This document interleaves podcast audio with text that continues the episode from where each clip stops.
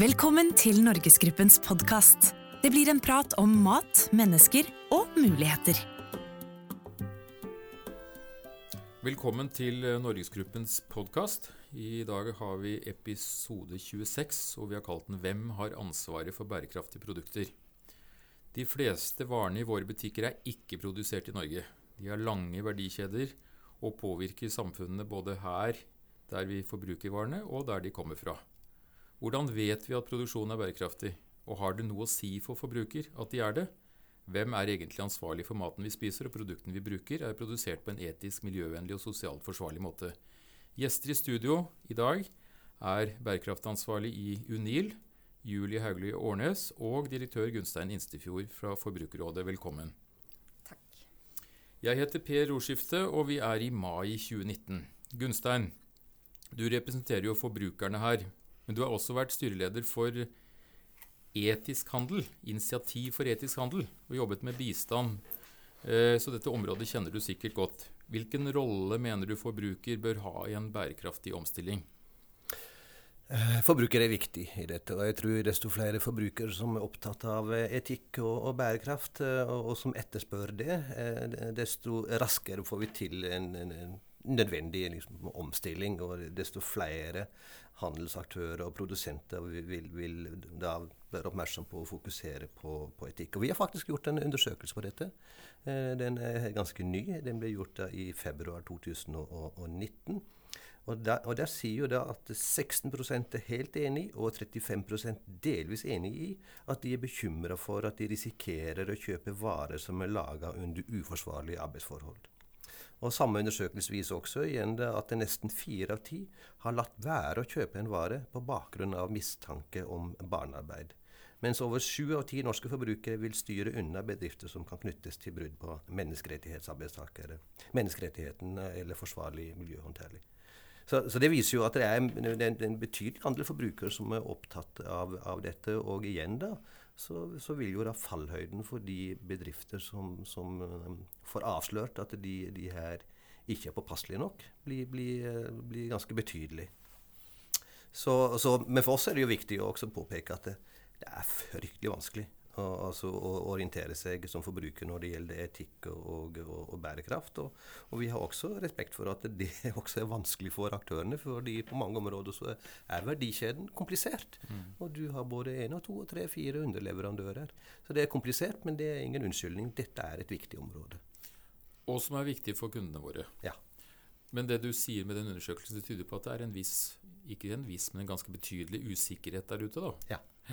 Og det, og det, bekrefter jo, og dette har jo regjeringen tatt på alvor også. De har jo oppnevnt et eget utvalg for, som går under navnet Etikkinformasjonsutvalget.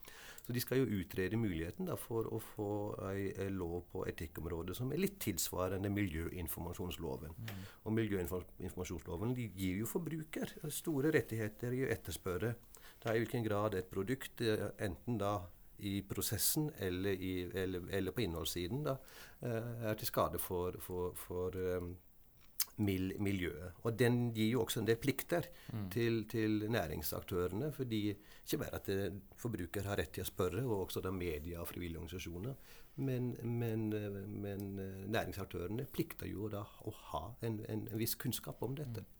Og en tilsvarende lov på etikkområdet tror vi vil, vil være utfordrende, og vi støtter det. Vi, at, vi tror at en sånn lov vil gjøre det enklere for mange forbrukere å orientere seg på etikkområdet. Og den vil også da bidra til å gjøre måte, forbrukermakten mer instrumentell også mm. på etikkområdet. Det betyr ikke at alle forbrukere kommer til å bruke loven, tvert imot. Men, men, men de som er opptatt av det, vil bruke muligheten, og de vil gjøre et arbeid på vegne av andre forbrukere. Mm. Jeg fortsetter med deg, Julie. Mm -hmm. uh, Unil. Uh, litt ukjent kanskje for mange, men uh, det er jo et selskap som da produserer merkevarer. Mm -hmm. Egne merkevarer, når det er noen som sier. Og vi har i Unil mange varer, og vi har mange produsenter fra, fra mange land. Kan du si litt om hvordan Unil jobber, og hva i praksis er det bærekraft innebærer for dere? Ja, det kan jeg gjøre. vi leverer jo da Norgesgruppens egne merkevarer. Uh, og for uh, mange så er det kanskje ukjent at det er uh, First Price, Eldorado, Folkets, Eh, fersk og ferdig, Fauna, Fiskemann, Unik og Jacobsutvalgte med flere. Eh, I 2018 så solgte vi over 4000 varelinjer fra 536 leverandører i 42 land. 42 land. I 42 land. Hele verden. 158 av disse førsteleddsleverandørene var jo da norske. Eh, men de norske leverandørene står for veldig stor del av verdien av våre innkjøp. da, 69 um, Men ja, vi kjøper jo fra hele verden, og vi har en mengde produsenter og underleverandører. Og fordi dette er Norgesgruppens egne merkevarer, så har vi et uh, særskilt ansvar for de produktene, ettersom vi selv får dem produsert. Uh, vi er et uh, bærekraftsteam i UNIL, og vi jobber med helse, vi jobber med miljø, vi jobber med emballasje, vi jobber med dyrevelferd, og vi jobber med etikk. Vi jobber ut ifra et uh, risikovurderingsperspektiv. vi gjør leverandørbesøk. Vi gjør sosiale revisjoner hos risikoleverandører. Vi bruker ulike sertifiseringsstandarder på våre produkter for å sikre bærekraftige verdikjeder. Um, vi har opplæring hos utvalgte fabrikker hvor vi ser at det kan være behov for det. Og vi er også deltakende i, en, um, i flere prosjekter for å sikre at uh, det nivået som er ute hos produsentene, er, uh, blir bedre, rett og slett. Det at man mm. jobber i, med leverandører fra 42 land, betyr det at det er ulike arbeidsformer? Jeg kan for eksempel, Du har mange produsenter i Norge. Ja. En annen tilnærming? Eller er det, er det, like prosesser vi ser for oss? Du, det kommer helt an på hvilket tema vi ser på under bærekraft. Da. For UNIL så er jo dette helse, miljø og etikk. Eh, og en, eh, helseperspektivet vil vi jo ha på alle produkter. Vi vil selvfølgelig legge mer vekt på en eh, produsent i Kina enn det vi vil gjøre på en produsent i Norge når det kommer til arbeidsforhold. Med mindre det selvfølgelig er snakk om migrantarbeidere eller annet. Men uh, risikoen for brudd på arbeidstakerrettigheter ser vi på som større i Kina f.eks. enn det vi ser på i, i, Norge. Og da ser vi at behovet er større for å legge fokuset der. Mm. I den siste bærekraftsrapporten til UNIL så er det gjengitt en undersøkelse også eh, blant våre kunder. Og der vi har spurt om hvor de mener ansvaret for bærekraft ligger. Der svarer de veldig tydelig at produsenten har det største ansvaret. Men når det kommer til helse, som du var inne på, Julie, så har forbruker selv størst ansvar. Mm -hmm. Hvorfor tror dere det er sånn? Vi begynner med deg, Gunstein. Et det har nok sammenheng med at på helseområdet så er det etablert en forståelse av at det er våre valg som er viktigst, og det er nok også riktig. Altså spiser du for mye chips og sjokolade og drikker for mye brus, så, så har det betydning for helsa. Og da er det som en konsekvens av et valg du har tatt. Eh, mens på bærekraftsområdet så vil nok mange liksom knytte det til verdikjeden. At her er det forhold i verdikjeden som er liksom litt mer utenfor vår, vår, kontroll som forbruker. Og det er jo langt på vei også, også er riktig. Samtidig så er det viktig å fastholde at det har jo faktisk altså sammensetningen av vårt kosthold og, og, og, hvor mye vi velger å kjøpe av ulike produkter, har jo betydning for miljø og bærekraft. Derfor så er det viktig å nyansere det det inntrykket. da, altså, Vi vet jo nå at klær f.eks. Mm. Eh, er jo regna som en av de fire da, mest miljøbelastende forbruksområdene. Mm. Og, og, når det gjelder klær, så er det bare ett svar på den utfordringen, og det er at vi må kjøpe mindre. Og det vi kjøper, må, må liksom da være av bedre kvalitet og holde lengre. Så det er slik at det, er, det, det, det blir litt feil å tro at, at, vi som forbruker ikke har et valg og et ansvar når det gjelder også bærekraft. Mm. Det blir um, litt for enkelt, egentlig. Julie, støtter du Gunsteins analyse?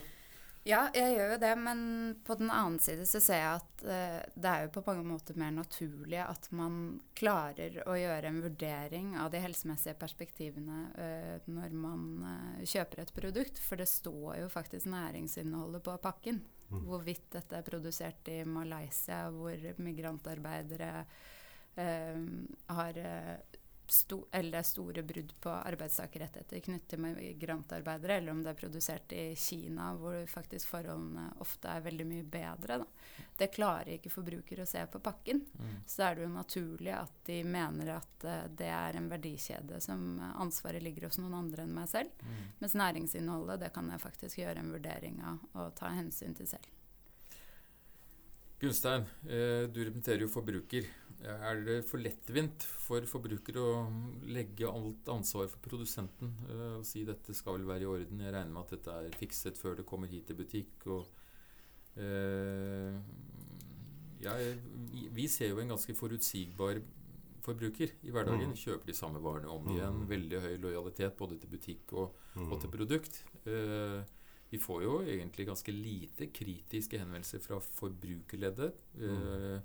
Vi får mye fra Forbrukerrådet, det er ikke det jeg sier, men altså fra forbrukerledet, mm. uavhengige innspill. Mm. Det er det ikke så veldig ofte å se noe til. Um, jeg tror det her er, sammensatt. Altså, jeg vil jo si at forbruker, der vi faktisk har en reell valgmulighet, og der vi har to, gode god tilgang til informasjon, så har vi også et selvstendig ansvar for å tenke både etikk og, og bærekraft. Men ellers er det jo en viktig del av forbrukers ansvar å faktisk å utfordre og ansvarliggjøre både produsent og, og handel. Mm. Uh, slik at det er jo uh, Det er feil å si at forbruker skyver ansvar over på produsent, men det er jo en del av forbrukeransvaret faktisk å ansvarliggjøre også bedrifter og, og handel.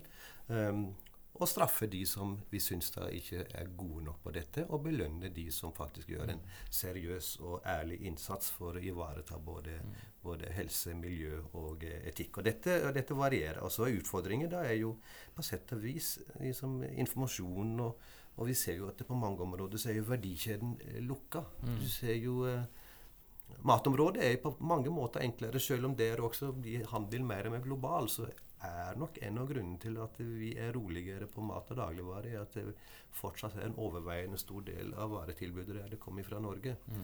Vi har fortsatt et importvern som, som, mm. som beskytter liksom, norsk næringsliv der. Um, mens på andre områder så er det jo desto viktigere, kanskje vil mange oppleve å være på, på vakt, fordi overveiende del av det vi kjøper, er produsert i andre land. Og det er jo helt opplagt at det liksom bedrifters samfunnsansvar som, som, konsept og som, som idé har jo sin bakgrunn i at det er mange stater som ikke evner mm. å ivareta grunnleggende menneskerettigheter. For de er jo, det er jo statene som har signert på menneskerettighetserklæring, og det er statene som står ansvarlig, og som er de som plikter å, å ivareta dette. Men, men, verden er slik dessverre at i mange, mange land er ikke staten i stand til det. Mm. Likevel så bør jo da bedrifter som opererer i disse landene, ha da et selvstendig ansvar. Mm. Selv om for å si det veldig enkelt, selv om barnearbeid kanskje kan være tillatt i enkelte land, eller ingen som er i stand til å straffe deg, mm. så bør forbruker straffe den, den bedriften som mm. gjør nytte av det. Mm. Mm. Du Bare et tilleggsspørsmål til deg, Gunstein, i og med at du har jobbet med bistand og utviklingsarbeid i, i andre verdenshjørner. Mm. Dette med handel som verktøy for utvikling inn mot et Norge som oppleves kanskje mange som et ganske vanskelig land å komme inn i, proteksjonistisk osv. Mm. Hvor står Forbrukerrådet der? Er det, er det, viktig å jobbe med import? Er det av verdi for oss? Dette er veldig krevende og sammensatt uh, spørsmål du nå tar frem. for det er klart Hvis du ser på forbruker i Norge, hva er, liksom, hva er våre liksom, rettigheter, og hva er viktig for forbruker i, i Norge, så, så, er det klart altså Importvernet har noen fordeler og noen ulemper. Eh, og det er klart at Importvernet har betydning for både pris og utvalg som vi da får eh, tilgang til i butikk. Samtidig så er, jo, er jo også mattrygghet og matsikkerhet eh, viktig for forbruker. slik at det, er, det blir feil å si at forbrukers eneste interesse på matområdet er å, å redusere eller fjerne importvernet. For det vil ha negative effekter på andre områder. Og jeg vil jo si at med de, den økning vi ser nå i, i, effekter som følge av eh, klima og eh, den, den, den, den konsekvens klimaendringene har, med mm. plutselig tørke i, i, land som produserer mye mat, mm. så er uh, matsikkerhet et tema som er på vei opp igjen i debatten. Slik at mm. dette er veldig sammensatt. Mm. Og så skal en også huske at, at veldig mange at U-landene er jo da ingen ensarta gruppe. Der har du land som er i stand til å eksportere mat. Eh, du har land som ikke er i stand til å eksportere mat etter den standard vi krever, men som um, kanskje trenger mer beskyttelse i forhold til å kunne produsere mer mat for egen befolkning. Og Jeg bodde jo flere år i, i Tanzania, og jeg syns jo det var trist at i et land som hvor du kan si at 60-70% av befolkningen levde av det jorda kunne, kunne, gi, så kom det inn mye frukt, mye grønt og mye mm. kjøtt. Mm. Eh, og smør også fra Europa, eh, fordi det var da subsidierte varer fra den mm. rike delen av verden. Så dette er ikke noe enkelt svar på? Det er ikke noe enkelt svar på Nei. dette. Sertifisering, Julie. Dette bruker jo vi som Bergtheis kanskje spesielt opp imot uh, produksjoner som ligger fjernt fra oss. Mm -hmm. Hva er en sertifisering? Hvordan, uh, hva betyr det i praksis for oss? Jo, uh, du har jo både merkeordninger og så har du sertifiseringsstandarder, og de overlapper jo på mange måter litt. forbruker i Norge er jo ofte veldig godt kjent med sånne type merkeordninger som Nyt Norge og Nøkkelhullet. Nyt Norge sier jo noe om opprinnelsesland, selvfølgelig. Og Nøkkelhullet sier noe om, eh, om hvor sunt det er, i, motsatt, eller i forhold til andre produkter i samme kategori. Men vi bruker jo også sertifiseringsordninger for å sikre verdikjeder på det vi mener er risikoråvarer. Eh, vi bruker det som et risikoreduserende verktøy.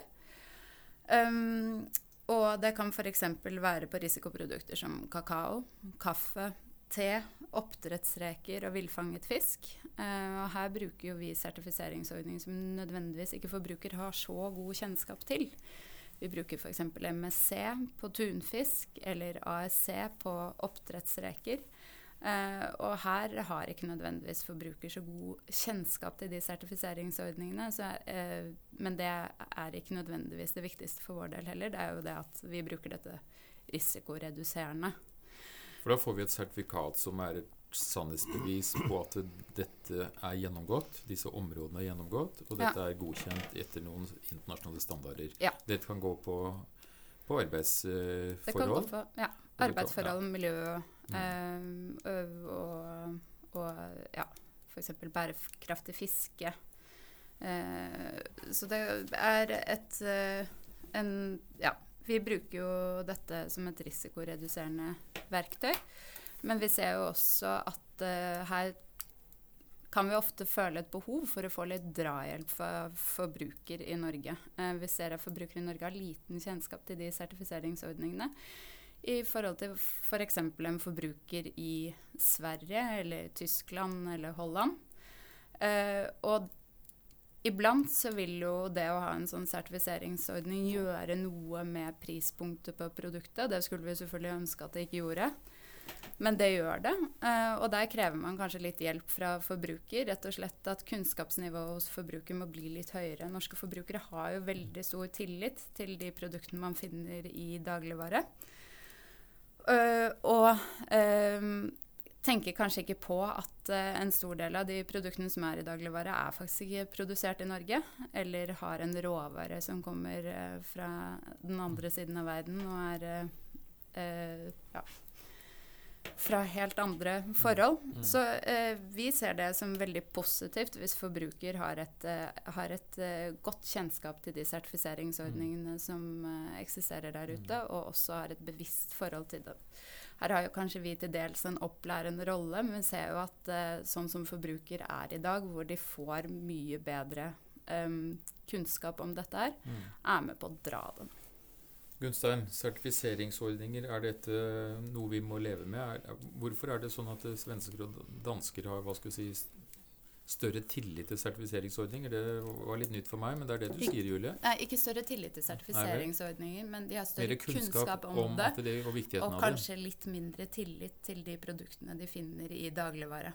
Okay. Ja. Okay. Så de krever litt mer. Vi er kanskje i en sånn torne-rose-søvn her hjemme i Norge, da, Gunstein. At vi, vi, regner med at alt er godt nok. Jeg tror nok eh, du er inne på noe viktig der. Altså, for vi ser jo at det er eh, altså Både på for, forbrukerområdet og på andre områder i det norske samfunn så har vi en veldig høy grad av tillit. Og det er jo en styrke ved det norske ja. samfunnet. at det er, jo, det er jo ikke mange land hvor, du, hvor, hvor tilliten både også til politikere og til, til myndigheter mm. er så høy som i, i, Norge, og også til handelsaktørene. Det, så det gjenspeiler nok litt av, av, av forholdene i, i, i, Norge her. Og så skal en heller ikke undervurdere at det er Hvis du tar merkeordninger, så er det jo en uh, anslagsvis uh, i hvert fall en 50-60 ulike merkeordninger mm. i, en daglig, i en vanlig butikk. Mm. Uh, og tar du med alle, så vil det være enda flere. Men er det, er, det, er det, kaos der ute? Altså forbruker er han, det, det, blir jo, det, Mange vil hevde det. Vårt inntrykk er jo at det, de færreste forbrukere liksom har kunnskap om å følge alle merkeordningene, men mange velger ut sine. De som er opptatt av, av helse, de vil velge nøkkelhullet. De som er opptatt av etikk, vil velge rettferdige eh, merkeordninger og miljø, svanemerket eller blomsten. Slik at Det er jo vårt inntrykk. da, Slik at, det er, eh, slik at merkeordningene er, er viktige. Eh, og gir alle som en da, mer informasjon til forbruker på et område som, som de opplever som viktig. Det som, som, nok er utfordringen med at det er så mange frivillige ordninger, er jo at det, det er en del informasjon vi skal ønske var mer obligatorisk. Mm. Eh, jeg tror det er en styrke. Og, og for de obligatoriske, altså en standardisert informasjon på, på, flere områder, har jo den fordelen at du slipper å lete etter liksom, de varene som er merka. Mm. Du får informasjonen på varen, både den positive og ikke minst den negative. Mm. En, av de, en, en, av de, beste merkeordningene eh, vi har hatt på handelsområdet, er jo energimerking av husholdningsprodukter. Mm. Hvor du som forbruker kan forholde deg til grønt, gult eller, eller rødt. Vi har jo argumentert for noe tilsvarende også på, på, når det gjelder helse. At eh, det vil, vil, gjøre det enklere for forbrukere å velge produkter med eh, mye salt, mye mm. sukker eller, eller, mye fett. Men nøkkelhusmerket er lett å forstå? Lett å forstå, ja. men, men, men, det gir jo bare informasjon om de produktene som har merket. Ja. Mm. Og, og, og, logikken er jo slik at, eh, at, det er jo da primært en ordning for folk som, de som har tatt et valg. Mm. Uh, mens en ordning som også da gir en liten sånn obs mm. på når du tar et uh, dårlig valg, jeg tror vi ville ha en enda større effekt. Før vi begynner å runde av her, Julie. Uh, du som jobber med merking og sertifisering og bærekraft. Er det, er det noen produkter du er på vegne av Unil veldig stolt av, og som dere føler at dere har levert helt, helt topp av, og som på en måte blir belønnet av forbruker? Ja, altså her vil jeg jo si mange. Eh, det er mange produkter vi er veldig veldig stolte av, og vi gjør jo en kjempejobb på det her. Eh, jeg skal ikke si at vi er perfekte, for det er vi på ingen måte. Men vi gjør en eh, Ja, jeg vil kanskje trekke frem fra 2018, da spesielt vaskeserien vår, som vi har relansert, som er Unik rent hjem. Der har vi eh, hele 13 produkter som er svanemerkede. Ni produkter som er Vegan Society-merket. To med Norges astma- og allergiforbund og én med Økotex. Alle plastflaskene er av resirkulert plast, og vi har fjernet unødvendig plast. Og da forventer du at forbruker belønner med gjenkjøp og salg og hele Er det sånn? Altså, jeg forventer jo ikke så mye på det her. Jeg ønsker jo bare at de produktene vi leverer, skal være hel ved, rett og slett. Uh, men jeg tror det blir lagt merke til. Og, og, og, det gir jo en kontinuitet også da, når man lager så gode produkter som uh, ja. Koster de, koster de, litt mer fordi de er bærekraftige? Nei. Nei. Nei. Så det er ikke noe sammenheng mellom pris og bærekraft? Av og til så er det nok det, men ikke alltid. Det, der er det ingen automatikk. Og så tror jeg at i virkeligheten, da, for en stor virksomhet som Norgesgruppen så det, det, altså det vil jo bli liksom gjenstand til eller offer for, på sett og vis, for at, at forventningsnivået blant veldig mange ligger ganske høyt. Mm. Mm. Det betyr at når det da gjør et seriøst, godt arbeid, som vi får høre om her, så vil nok de kanskje ikke oppleve å bli belønna for det på den måten som de gjerne skulle ønske. Mm. Men, eh, men, samtidig så kan det ta motsatsen. Dersom de ikke gjør det som, som blir forventa av en såpass stor og viktig virksomhet som Norgesgruppen, så risikerer de jo å bli straffa for det. Mm. Slik at det er jo ulike måter for forbrukere å, å agere på, mm. på, dette området. Så, og det tror jeg er litt, litt, eh, litt, litt virkeligheten. Mm. Så er det jo ofte så er jo pris en indikator eh, på, om, om forhold, på forholdet i verdikjeden, men, men ikke alltid. Mm. Julia? Vi ser jo også det at forbruker eh, På de forbrukerundersøkelsene som har vært ute, ser vi at forbruker gjerne ønsker å fremstå som mer bærekraftig enn det de faktiske valgene de tar i butikk, er. Og det ser vi jo gjerne på produkter som har en bærekraftsertifisering, sånn som Fairtrade, hvor det eh, blir et høyere prispunkt. Så ser vi at eh, forbruker sier i forbrukerundersøkelser at jeg kjøper alltid fair trade når jeg kan. Men, men veldig mange forbrukere gjør et helt annet valg når de faktisk kjøper produktene. Mm. Og det tror jeg er viktig å få med. Og det er jo her vi veldig gjerne ønsker litt drahjelp fra forbruker. For Fair Trade f.eks., i motsetning til mange andre bærekraftsertifiseringer, er jo en sertifiseringsordning norske forbruker har god kjennskap til. Men når det kommer til hvilke eh, handlemønster de har i butikk, så kan det tenkes at Fairtrade blir valgt bort i forhold til noe annet. Fordi det er dyrere. Mm. Og det har jo noe med at eh, helt ned til nederste ledd i verdikjeden så får de en bedre pris ved å være en fair trade-bonde enn det en annen bonde som ikke er fair trade-bonde, får. Mm. Og da har vi, Med de ordene, Julie, så føler jeg at du på en måte har eh, understreket viktigheten av å jobbe med disse tingene, og at vi som forbrukere ikke er jålete når vi kjøper, for dette dreier seg om alvor for de som er berørt. Mm. Så takk til dere som kom. Takk for fremmøtet. Vel blåst. Abonner på Norgesgruppens podkast i iTunes og på Soundcloud. Besøk oss på norgesgruppen.no. Gi oss gjerne tilbakemelding på Facebook-sidene våre.